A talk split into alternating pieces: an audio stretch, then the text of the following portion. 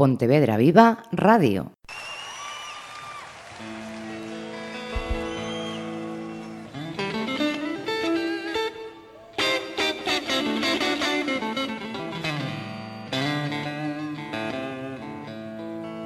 La trastienda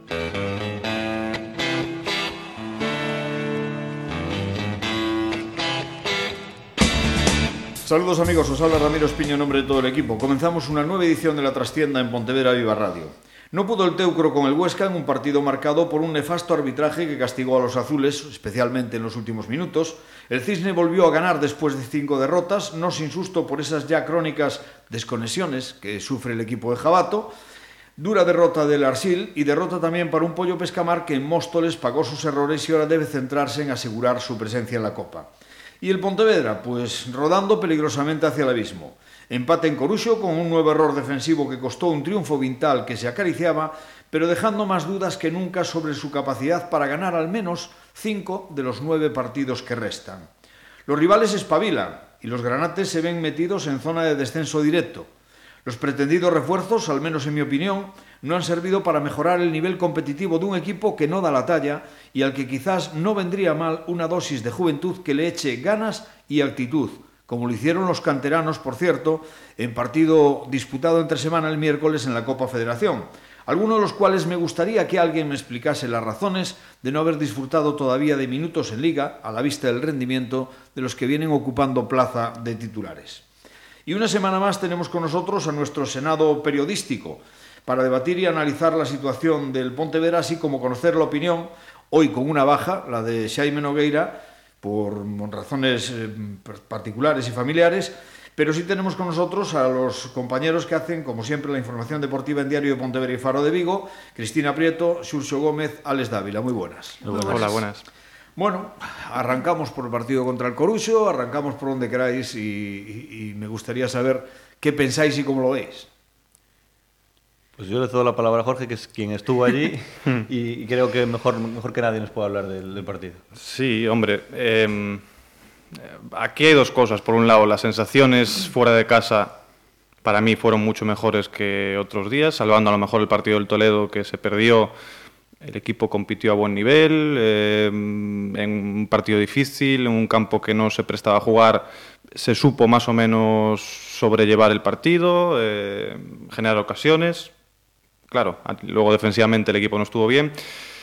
Pero lo que venimos diciendo ya en las últimas semanas, ¿no? ya con las sensaciones ya no llega y al final eh, ves que en un partido más o menos correcto se te escapan dos puntos al final. El empate obviamente, por lo visto, en el campo era lo más justo, pero te queda ese sabor muy amargo de que se te escapen dos puntos al final y te quedas con cara de tonto y con la sensación de que se perdió una oportunidad grandísima de dar un paso enorme hacia la salvación, porque al final ahora todos calculamos más o menos que de los nueve que quedan hay que ganar como mínimo cuatro, sino cinco o seis. Eh, entonces eh, dejas escapar en un campo complicado contra un rival directo una oportunidad tremenda de dar un golpe encima de la mesa. Yo creo que más allá del, resultado, que es malo, porque Pontevedra ya un empate fuera de casa, a pesar de que sea el primer punto que se saque fuera de casa en toda la segunda vuelta y que Luis me quiera buscar ahí esa parte positiva, que bueno, que es mejor, es verdad que es mejor uno que nada, pero no vale uno, valen tres. Eh, lo peor de todo no es eso, lo peor de todo es eh, la sensación de que si no se pudo ahora, cuando el partido estaba ganado y se estuvo manteniendo un resultado durante 85 minutos o, o 60, si quitas los, minutos del 0-0, eh, es que si no se pudo ahora, ¿quién, ¿quién, te garantiza que se va a poder contra Ponferradina, se va a poder en Segovia, se va a poder en, en Valladolid? Y, y estos vienen apretando, sobre todo el Valladolid. Yo me fui con sensaciones muy malas ya contra el Majadahonda, aunque sea un equipo que esté arriba. Yo lo vi todo muy negro después de perder en casa contra ellos de, de la manera que se perdió. Y ayer viendo el partido no me pareció que jugásemos tan mal tal y como estaba el campo. Sin embargo, bueno, ayer el sábado, perdón. Sin embargo, eh, es esa sensación ¿no? de que, no sé si es un problema mental ya o qué, qué pasa, pero es que ni siquiera en un partido que lo, que lo tienes tan de cara consigues puntuar, o sea, eh, conseguir la victoria, ¿no? que es ahora mismo es lo que importa. A mí me daría igual jugar mal y ganar realmente. O sea, a mí que el equipo juegue mejor o que tenga buenas sensaciones ahora mismo. Ya da igual. Sí, siento decir que sea tan feo, pero sí, no me importa. Hay que sumar. Sí, sí. Hay que sumar. Entonces, el partido del otro del sábado se, no se jugó mal. Tal y como estaba el campo, no me parece que jugásemos mal, pero claro, hay que ganar. Y yo ya lo vi muy negro contra el Majadahonda, ya te digo, y pensaba que había una, una reacción y dije, hombre, me van a callar la boca porque lo veo muy negro. Y no, no fue así. Entonces, No, No se sé. jugó mal, pero se jugó como quiso el Corucho que se jugase ¿eh? y al ritmo que marcó el y Corucho. bueno, como también permitía el campo, ¿no? A lo mejor, que estaba, estaba totalmente encharcado, algunas Ya. zonas horribles, entonces... Pero ellos, ellos le echaban una garra que yo no vi en el, Bueno, en el Pontevedra, yo sí que es verdad que en directo vi que el Pontevedra ganó disputas, que fue un partido igualado, que no se achicó, que el Corucho dominó, pero muy territorialmente.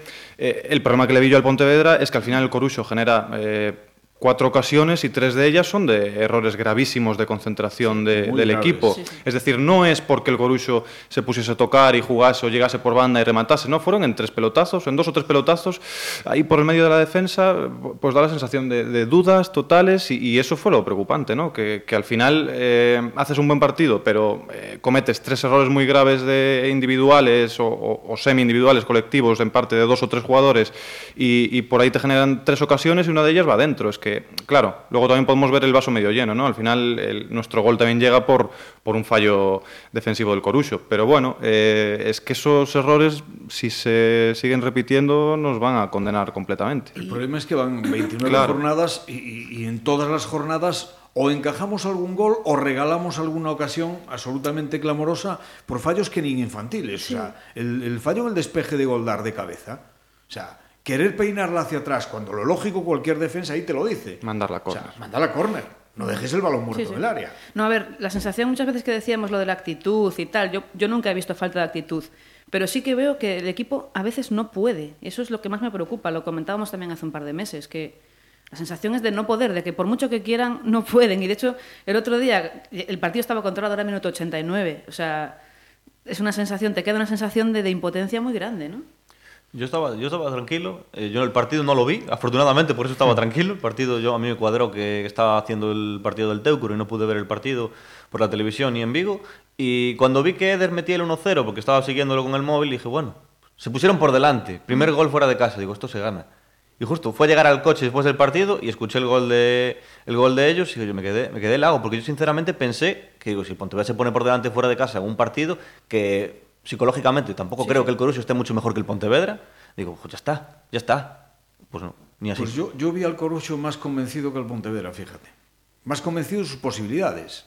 Y, y es que el domingo, viendo al Racing de Ferrol, al cual dábamos por muerto después de perder aquí en Pasarón, vi a un Racing de Ferrol en línea ascendente. Y al Pontevedra no le veo esa línea, francamente. No, no, y lo que hay Yo que dejar Me claro... gustaría equivocarme. ¿eh? Sí, yo Lo que hay que dejar claro y por hoy ya es que si el Pontevedra se salva no va a ser por mérito del Pontevedra, va a ser por demérito de los rivales que no van, que, que- que no pueden o que no dan más. Lo ventaja que tienen ahora mismo, por ejemplo, buscando una comparativa en primera división con el Depor, que está en una situación más crítica todavía. El Pontevedra depende de sí mismo y lo tiene en su mano porque tiene tres partidos de seis puntos, los tres suyos más los tres que, que va a dejar de ganar los rivales que con los que van a jugar, que son directos. El, el Deportivo lo tiene mucho peor, por ejemplo, porque son cinco puntos y las sensaciones son todavía peores. Pero, pero el tema es que bueno, las sensaciones del, del Pontevedra tampoco son buenas, aunque no sean peores que las, de, que las del Deportivo. Y fuera de casa peor, que es lo que más preocupa también, claro. El tema yo creo que es enlazar un poco dos resultados buenos, pero dos resultados buenos ahora es ganar. eh, hacer seis puntos seguidos, porque desde que se ganó el Racing de Ferrol, que parecía que veíamos la cosa, bueno, hay un rayo de luz, pues llevamos uno de nueve. Entonces, eh, claro, mientras nosotros hacemos uno de nueve, el Valladolid eh, suma puntos, el Racing de Ferrol hace siete de nueve, si no me equivoco, ya está ahí otra vez. Eh, entonces, al final, da la sensación de que por inercia el Racing de Ferrol pues ahora cree más, tiene más fe porque claro, se ve que estaba hundido y ha conseguido ahora siete puntos de la nada cuando nadie contaba con ellos y ahora viene con una inercia ganadora y cree en sus posibilidades. Sin embargo, el Pontevedra es como esa mm, duda constante, ¿no? Doy un paso hacia adelante y otro hacia atrás. Entonces, hasta que enlaces dos victorias y ya las necesitas por, por clasificación y por todo, eh, mm, da la sensación de que el equipo no va a creer de verdad en sus posibilidades. Es que fíjate que desde ese partido con, con el Racing de Ferrol estábamos pues en una posición con tres equipos metidos intermedios entre la zona de, de descenso y el Pontevedra y ahora mismo, o sea, cada semana ha sido un pasito para atrás, un pasito para atrás y estás metido en plena zona de peligro. Y el Valladolid, que dábamos por muerto también hace bastantes jornadas, está ahora mismo fuera.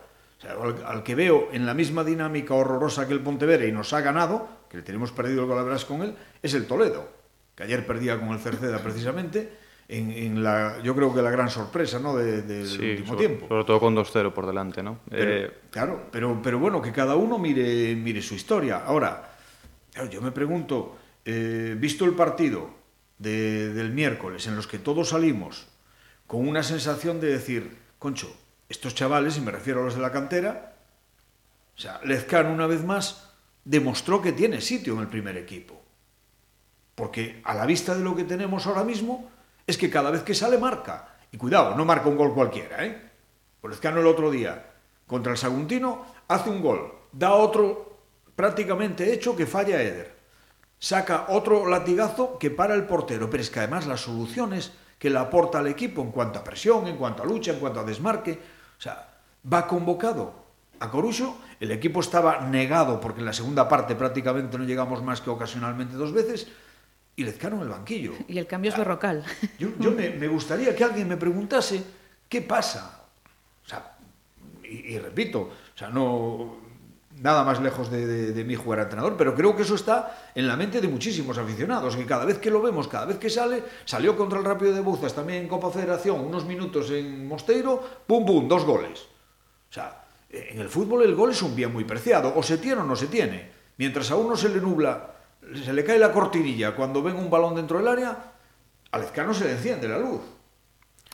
No sé. Pues La situación es muy crítica ahora mismo. Yo quiero pensar que eh, el motivo por el cual Luismi o, o la dirección deportiva también, que también me imagino que le dan las orientaciones a Luismi, será de, oye, no podemos apostar por esta gente ahora mismo porque es demasiada presión para unos chicos que decirle, oye, el peso de la salvación está en ti, Lezcano, vamos a jugar contigo, con Pacheco de central y con Jesús. Me imagino está que ese es el motivo, es decir, no, sal- no está el momento ahora mismo para decir para decirle a los chavales, mira, Lo vamos que, para adelante. lo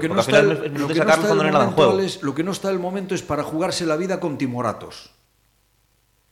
Y me refiero con timoratos, con otros que salen que ni sufren ni padecen, porque esa es otra. A mí me da la sensación de que hay jugadores, o sea, estamos, estamos bien, viviendo un déjà vu, algo parecido a lo que sucedió en el 2011, que hay determinados jugadores, no digo todos, hay honrosas excepciones evidentemente, que sienten evidentemente al equipo y que no quieren que se vaya al pozo, pero a mí me da la sensación de que hay jugadores que se han bajado del carro hace tiempo.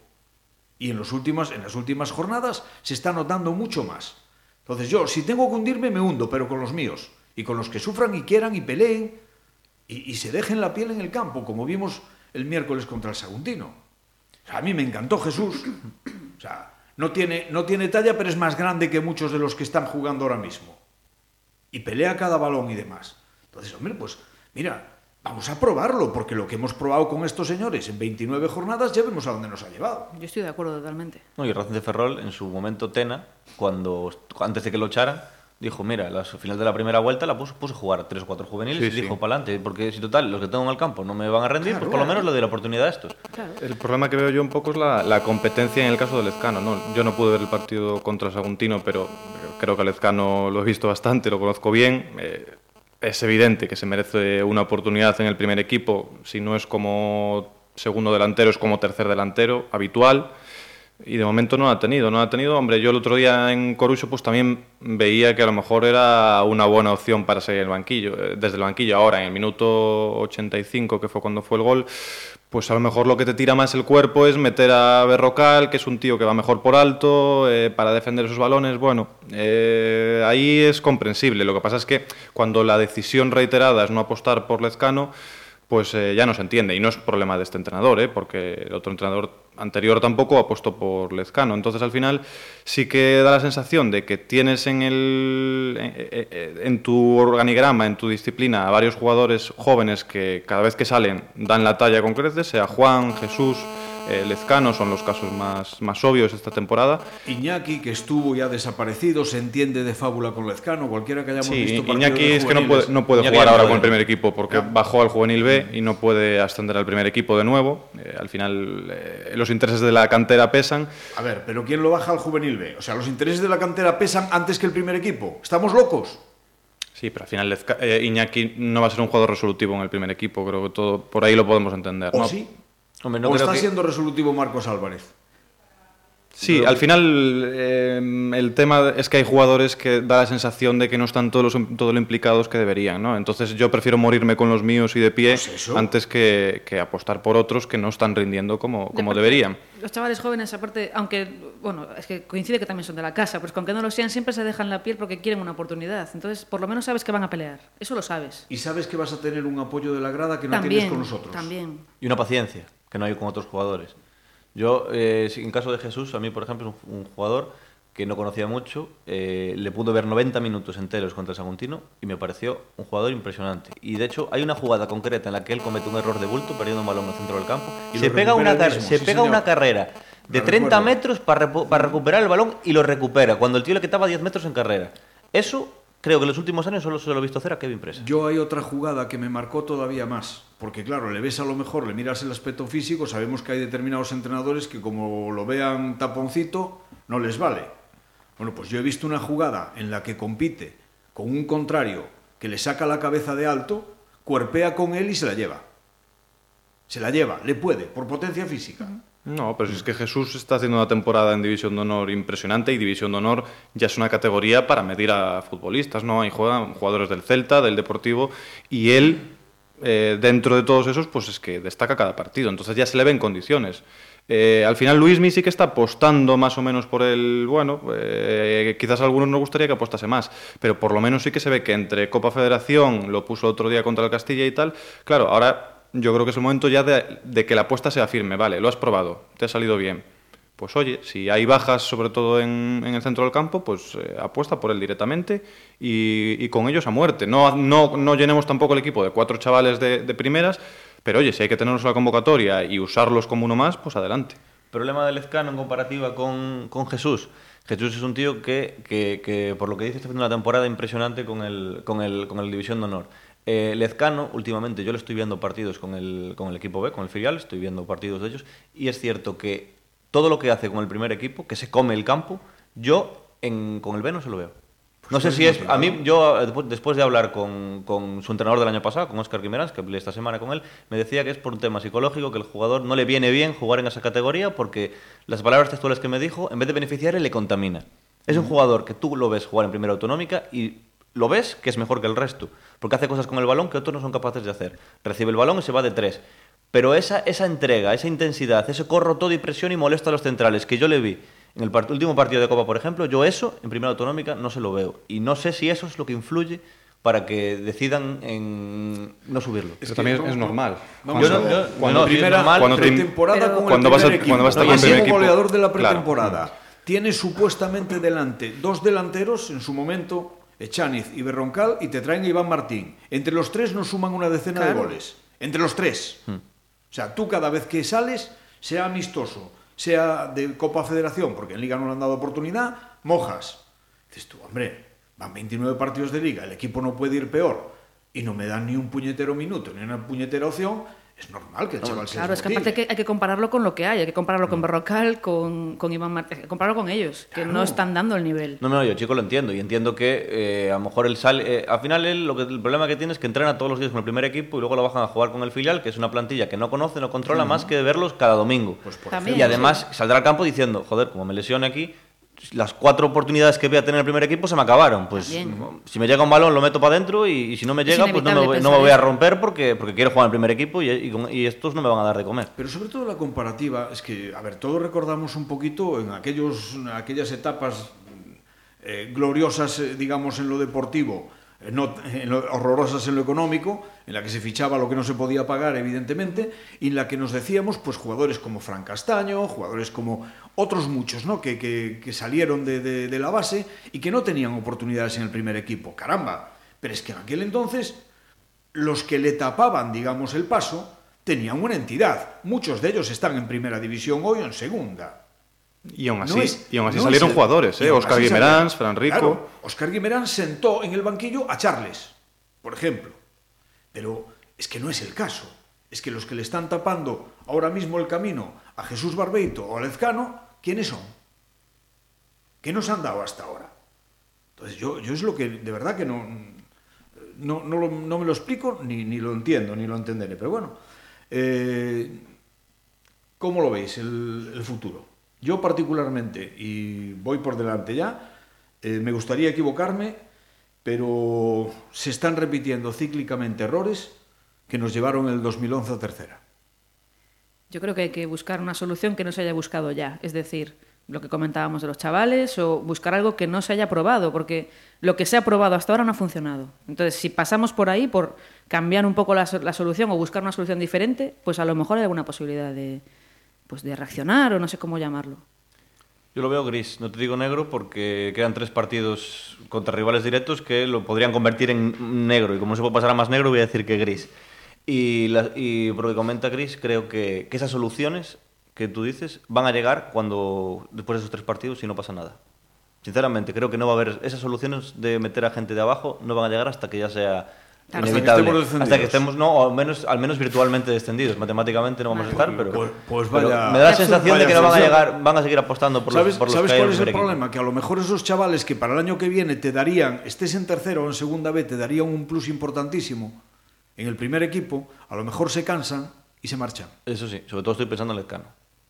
Sí, eh, el problema es ese, ¿no? Que al final son tres partidos, pero dos de ellos ya van a llegar sin, sin tiempo de reacción. Entonces yo ahora el futuro inmediato lo veo gris también, pero eh, centrándome sobre todo en el partido contra la Ponferradina. Eso- ese partido sí que es decisivo para ver si lo podemos ver más blanco o ya completamente negro.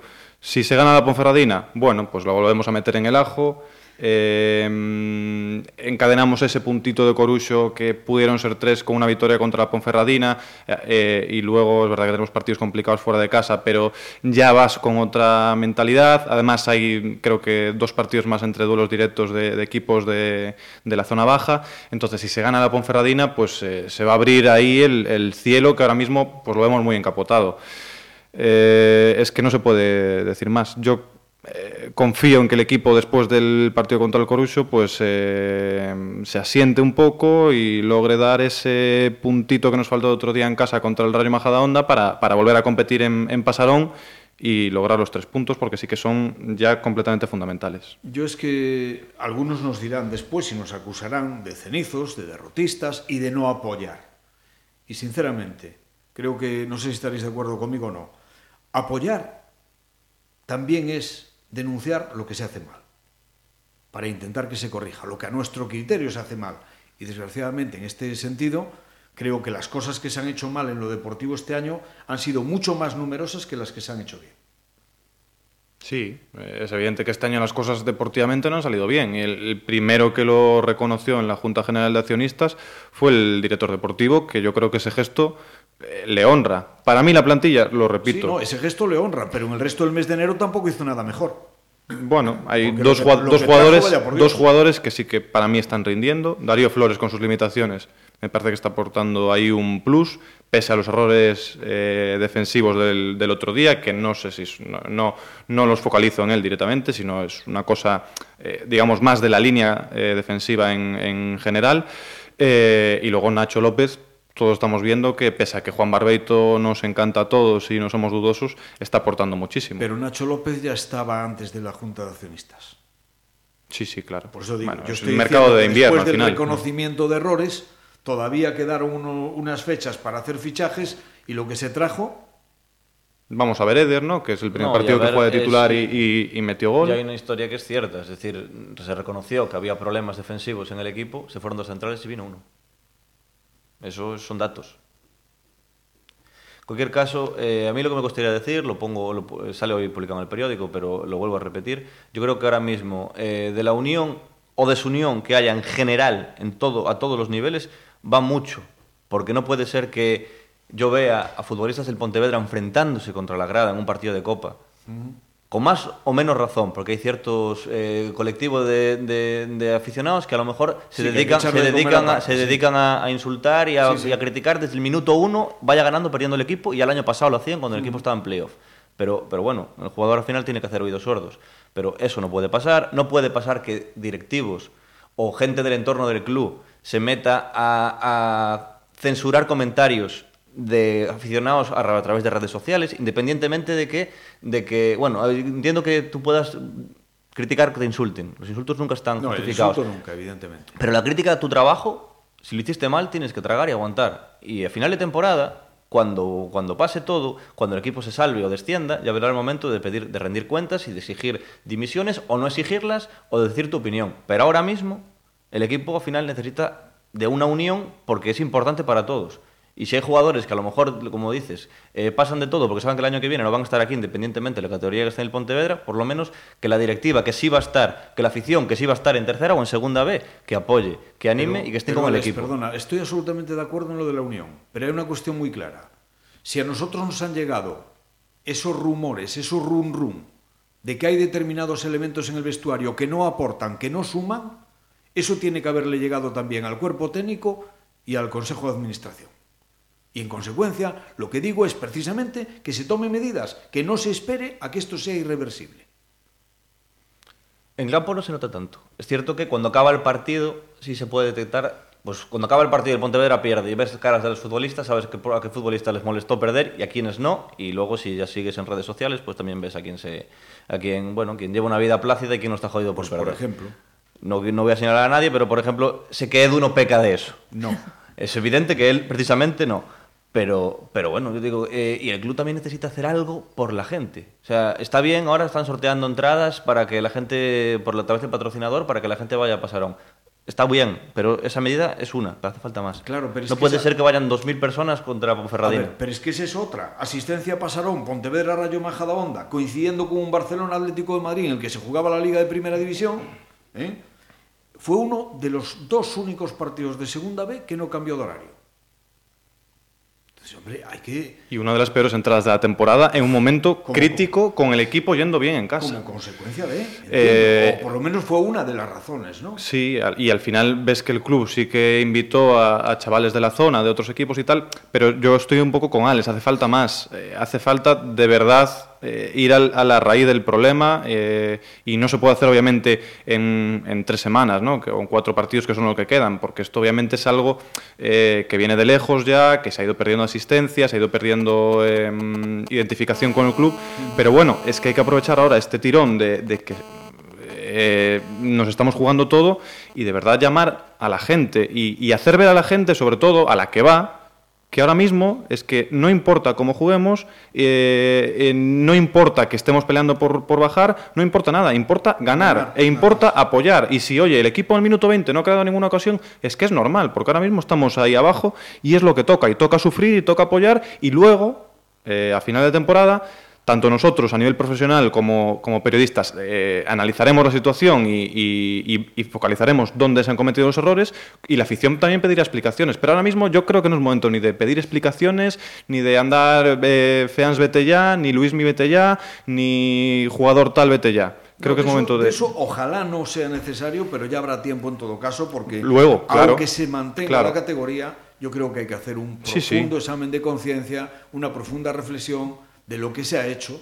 Desde luego, Repito, pero ahora impera lo otro. Porque si sigues pensando, y todavía la semana pasada un miembro del Consejo de Administración, no voy a decir el nombre, me lo guardo de momento, pero intentando convencerme a mí directamente que teníamos mejor equipo que el año pasado, a estas alturas, Pero es que podemos, estas alturas- podemos tenerlo. Yo no dudo de la calidad de los jugadores. El problema es que sí. se ha, se ha- se ha Yo sí equivocado en la confección total de la plantilla. Por ejemplo, y antes ponía el caso Alex, el Deportivo de La Coruña tiene jugadores que eh, en primera división han rendido, pero ellos ahora mismo conjuntamente no están funcionando, no se sabe a qué juega. Bueno, pues el Pontevedra es un caso igual. No se acertó en los fichajes porque a veces no hace falta traer a 15 jugadores buenos, sino a 15 jugadores que se complementen bien.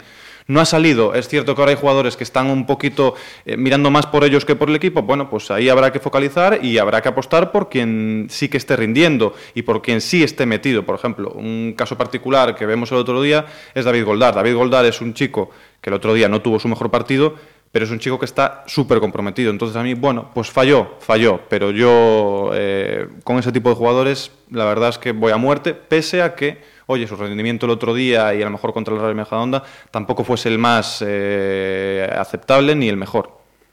Bueno, eh, las imposiciones de la TVG. Volvemos otra vez un poquito lo mismo que con la asistencia a Pasarón y no cambiar y demás. Pregunto, ¿hay que aceptar cualquier cosa a cambio de una limosna?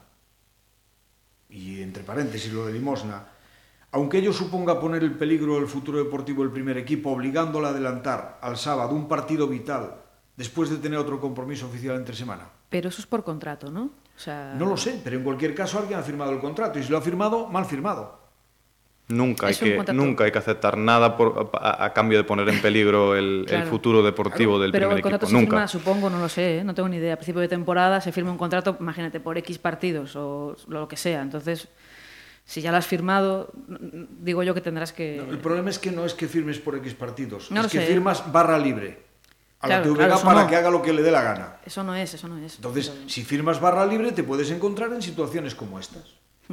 A ver, en, en este caso yo no focalizaría tanto en, en la TVG como lo que sabemos nosotros, como en, el- en la decisión del propio Corucho, ¿no? Eh, por lo que nos dicen es el Corucho el que le preguntan si sin, prefiere conformidad, jugar. sin conformidad del Pontevedra no se puede adelantar al sábado. La jornada es el domingo.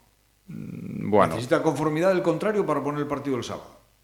Yo creo que ahí el, el Pontevedra no quiso entrar en, confron- en confrontación con el Corucho y, y decidió. No creo que haya sentado nada bien, por, por cierto, eh, por otro lado, en el club, eh, lo, de, lo de poner la jornada el sábado y lo de que el Corucho tratase de imponer a toda costa el, el partido el sábado. El, sábado, el Corucho, lógicamente, vela por sus intereses. Corucho contó, Le conviene. contó, cosa que evidentemente no, no es verdad, pero como excusa funciona de, manera estupenda, que había mejor jugar el sábado porque el domingo así no contraprogramaban al Celta. Ah. Que el Celta que jugaba en Madrid. Pero nosotros contraprogramamos el Barcelona Atlético de Madrid. La jornada anterior. Pero bueno, el partido se puede haber jugado el domingo a las 6 o a las seis y media. O a las Eso 12. Para no contrapro- a las 12, para no contraprogramar el Celta. Y yo, yo, yo te digo la verdad, entre que ya me, me, me coincidía con el Teucro y que el día estaba como estaba, yo estaba rezando porque lo que no, lo que no consiguió el Pontevedra y lo consiguiera Félix, pero no lo consiguió. Entonces al final tuvimos que tragar todos. Pero es que, a ver, no nos queremos enfadar con el Corucho, pero sentamos ahí la cláusula del cagazo cuando se viene Pibe y a Pibe lo teníamos en el banquillo por si acaso. O sea, vamos a ser coherentes. Yo creo que esa, mm, esa medida, yo- a mí también me sorprendió que entrase en la convocatoria. Yo creo que es- eso es, es una muestra más que se hace, no lo sé, es intuición mía, eh, para mostrar la disconformidad con el Corucho con respecto a que ellos impusiesen la hora del partido para el sábado a las 5 de la tarde. Creo que, eh, si no me equivoco, Lupe Murillo tampoco acudió al partido. Tanto, no tanto la no presencia de Lupe Murillo como el hecho de sentar a Pibe en el banquillo es un desafío y una muestra de disconformidad eh, contra el Corucho por haber colocado el partido el sábado. Eh, la TVG, por lo visto, le preguntó, ellos dijeron el sábado, el Pontevedra no quiso entrar en confrontación. Eso es lo que, por lo menos nosotros, eh, en el Faro de Vigo, manejamos. Pues mm, yo, francamente, en estos momentos, tal y como estás, entro en las confrontaciones que sean necesarias porque hay que salvarse. Dicho esto, colaborarás con el Corucho, por lo menos está ganado. Dentro de lo que cabe, Sí. viendo que estamos todos metidos en el ajo, El está ganado. es que Y tenemos yo- menos puntos que ellos. Y yo con todo el cariño que le tengo al Corucho, si tiene que bajar, si tiene que salvarse un gallego, si pueda. tiene que salvarse un gallego, el Pontevedra. Y si el Pontevedra no se salva, pues mira, yo prefiero al Corucho en tercera que al Ferrol, ¿eh? Porque tiene más pasta. Sálvese quien puede, evidentemente. Eh, yo creo, repito, es que son cuestiones de imagen y hay que cuidarlas, porque la imagen cuesta muchísimo ganarla, se pierde en un segundo. Y esto quiero dejar caer también, simplemente a modo anecdótico, si la Copa Federación no interesa, se renuncia. Si se participa, se hace con todas las consecuencias. Pero jugar con velas, como se jugó contra el Atlético Saguntino, con cuatro focos en cada torreta encendidos. Por cierto, una de las torretas ni siquiera cuatro porque uno estaba fundido, solo tres. Y el resto apagado, a media luz, donde desde una banda, desde la banda de tribuna, cuando iban por la de preferencia, no reconocías a los jugadores, por mucho que el árbitro diga que hay luz suficiente para jugar, a mí me parece que eso no es imagen para jugar en Pasarón. Yo no puedo opinar, no estaba en el partido, pero obviamente creo que si apostamos por una competición, apostamos de verdad. Y no quiere decir poner a los mejores jugadores y no pensar en la liga, sino tener un mínimo de, de calidad para el espectador y para, el fútbol, ¿no? Y ofrecer por lo menos las condiciones idóneas. Ahora, eh, no puedo mojarme más allá de ahí porque yo no, no puedo valorar si había luz suficiente o no. Hombre, yo tengo que reconocer que si no me lo dices, no me hubiera dado cuenta porque no soy muy observador. Es cierto que luego durante el partido me hubiera dado cuenta que no veía bien, pero no me hubiera dado cuenta que era por los focos, porque no soy tan observador. Pero bueno, eh, pero es cierto, o sea, si tú apuestas por la competición y quiero, pensar, y quiero pensar que teorías ahora a lo tú, mejor... Pero llegué allí y no veía Mm, nada. ya. O sea, pensé que era para calentar. Y bueno, para calentar vale la luz, pero luego empezar el partido y quedar así. Yo quiero pensar que si, este, si esta semana se gana en Valencia, eh, la final por lo menos se jugaremos con luz en condiciones. Ya que hay que jugarla, por lo menos jugarla bien. A ver lo que pasa. A ver lo que pasa, pero de verdad que la Copa Federación me interesa tan poco en este momento, teniendo en cuenta la situación en Liga, que es que me da igual. Particularmente me da absolutamente igual. Daría evidentemente con gusto el quedar eliminados en Copa Federación Ah, claro. y poder ganar tres partidos seguidos. Evidentemente, pero... Yo ahora soy partidario de, de ganarla ya que, ya Ya. que estamos. Aparte creo que no va a influir, porque los jugadores que estuvieron jugando contra el Saguntino, al final, contra Corusio no, no aparecieron. Entonces, si al final vas a ir con una plantilla que da igual que, que llegue cansada del viaje, porque en Liga no va a ser, no va a ser tener un papel pero, relevante... Pero, pero es que la preparación del partido no es la misma.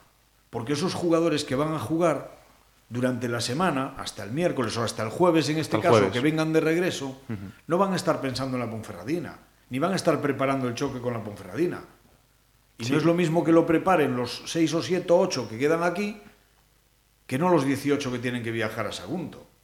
Claro, y, y al final sí que hay jugadores que por lógica, porque la plantilla es la que es y hay la norma de que tienen que jugar siete el primer equipo, coincidan. El, mejor caso es eh, Eder Díez, que, que jugó los 90 minutos, si no me equivoco, contra el Saguntino, o, o bastantes, no, no, No, recuerdo. 90 no, pero jugó. bastantes y los 90 contra el Corucho al final. Y, y a buen nivel los dos, pero claro, eh, si le seguimos metiendo esta tralla a jugadores y sobre todo eso, nos despistamos un poco eh, fo- de focalizar el, el objetivo en el domingo, con un viaje a Valencia el martes, con un partido el miércoles, con un regreso, pues eso sí, eso sí que es lo que me preocupa a mí. Bueno, contra la Ponferradina, ¿cómo lo veis? La Ponferradina, bueno, los últimos partidos creo que, bueno, viene de ganar eh, al 3-0 al Guijuelo, ¿no? Sí. o sea que, bueno, y de, y de antes dos empates seguidos creo que traía, o sea que no es tan mala dinámica y siempre es un equipo bastante eh, difícil, ¿no? No es un equipo fácil, aunque esté en una situación un poco, también este año un poco complicada, siempre es un rival muy complicado. Yo apelo a Pasarón y espero que el Pontevedra recupere las sensaciones que tiene en Pasarón, que hasta ahora, bueno, pues han sido, no, han sido, no han sido muy malas, salvo el partido de Majadonda, que yo ya te digo que salí bastante hundida. Y hay que confiar un poco. Es que si no se confía es imposible, está claro. Pero yo lo veo complicado, lo veo complicado. Yo no sé cómo lo veo en lo deportivo, pero en lo social quiero verlo con gente. Quiero verlo con mucha gente en el campo, porque es la Ponferradina, que al final es un rival grande aunque esté abajo, porque vuelve Yuri, que aunque sea, habrá algún, algún nostálgico que desconectó el Pontevedra hace siete años, pues vete a ver a Yuri o que sea, pero por lo menos vete a ver al A mí me Pontevedra. da igual, lo saludo al principio y al final, durante el partido Pues no eso, lo pues conozco. si al final el part- si tú eres de los que estás enfadado con él por cómo se fue, porque al final no salió bien de aquí, pues vas allí y no sé, animas el Pontevedra para que pierda Yuri, lo que sea, pero vete al campo. Vete al campo y anima al Pontevedra porque, porque va la vida de todos en ello y al final el aficionado es el que va a sufrir el equipo en tercera, a muchos jugadores no. Es un partido eh, a cara de perro en el que la Ponferradina llega con un poquito más de, aire, pero al final en el que saben que si pierden se van a meter en la pomada de nuevo. Eh, la Ponferradina es verdad que fuera de casa no está funcionando muy bien. El otro día gana en casa el Guijuelo, pero por lo que leí, incluso el Guijuelo falló un penalti con 2-0. Es un resultado un poquito engañoso. Y está funcionando de aquella manera. Es verdad que tiene para mí un equipazo, por jugador por jugador, igual que el Racing de Ferrol o igual que el Toledo, que están ahí metidos abajo. Pero si el Pontevedra está como tiene que estar y como ha estado últimamente en casa, eh, creo que le puede plantar perfectamente cara y puede ganar y puede eh, dar ese pasito hacia adelante, que a ver si luego no es otro hacia atrás. Ahora, para mí es fundamental que, que los jugadores salgan al campo y vean unas gradas, no digo superpobladas, pero sí unas gradas pues, con 4.000 personas por lo menos para, para dar ese, ese empujón moral que hace falta y esa unión que necesitamos entre todos para salir de ahí. Esperemos que así sea, que el Consejo de Administración tome conciencia realmente de lo que está en juego y adopte las medidas oportunas para provocar que, que las gradas estén efectivamente pobladas, que el equipo tenga respaldo, porque aunque algunos sé que nos van a sacar la piel a tiras porque hoy hemos sido muy críticos, según ellos ven, de verdad que la crítica, pienso, es necesaria para corregir los errores que se puedan estar cometiendo y no ver enemigos en todas partes. Creo que ninguno de los que estamos aquí lo somos, no del Pontevedra ni del deporte pontevedrés, evidentemente. Simplemente nuestra obligación, para eso nos pagan cada una de nuestras respectivas empresas, es contar lo que vemos, lo que pensamos, con riesgo de error, pero ni más ni menos riesgo de error que tienen los que han confeccionado la plantilla. Ni más ni menos. Muchísimas gracias. Seguiremos hablando del gobierno como decían los ilustres típicos. Y a todos los que nos escucháis, os dejamos con nuestra habitual despedida musical, en esta ocasión con el británico Billy Idol. Y como el fútbol, pues también en la música a veces es un problema de dinero. Money, money. Como siempre, que lo disfrutéis. Hasta la próxima semana. Muchas gracias por escucharnos.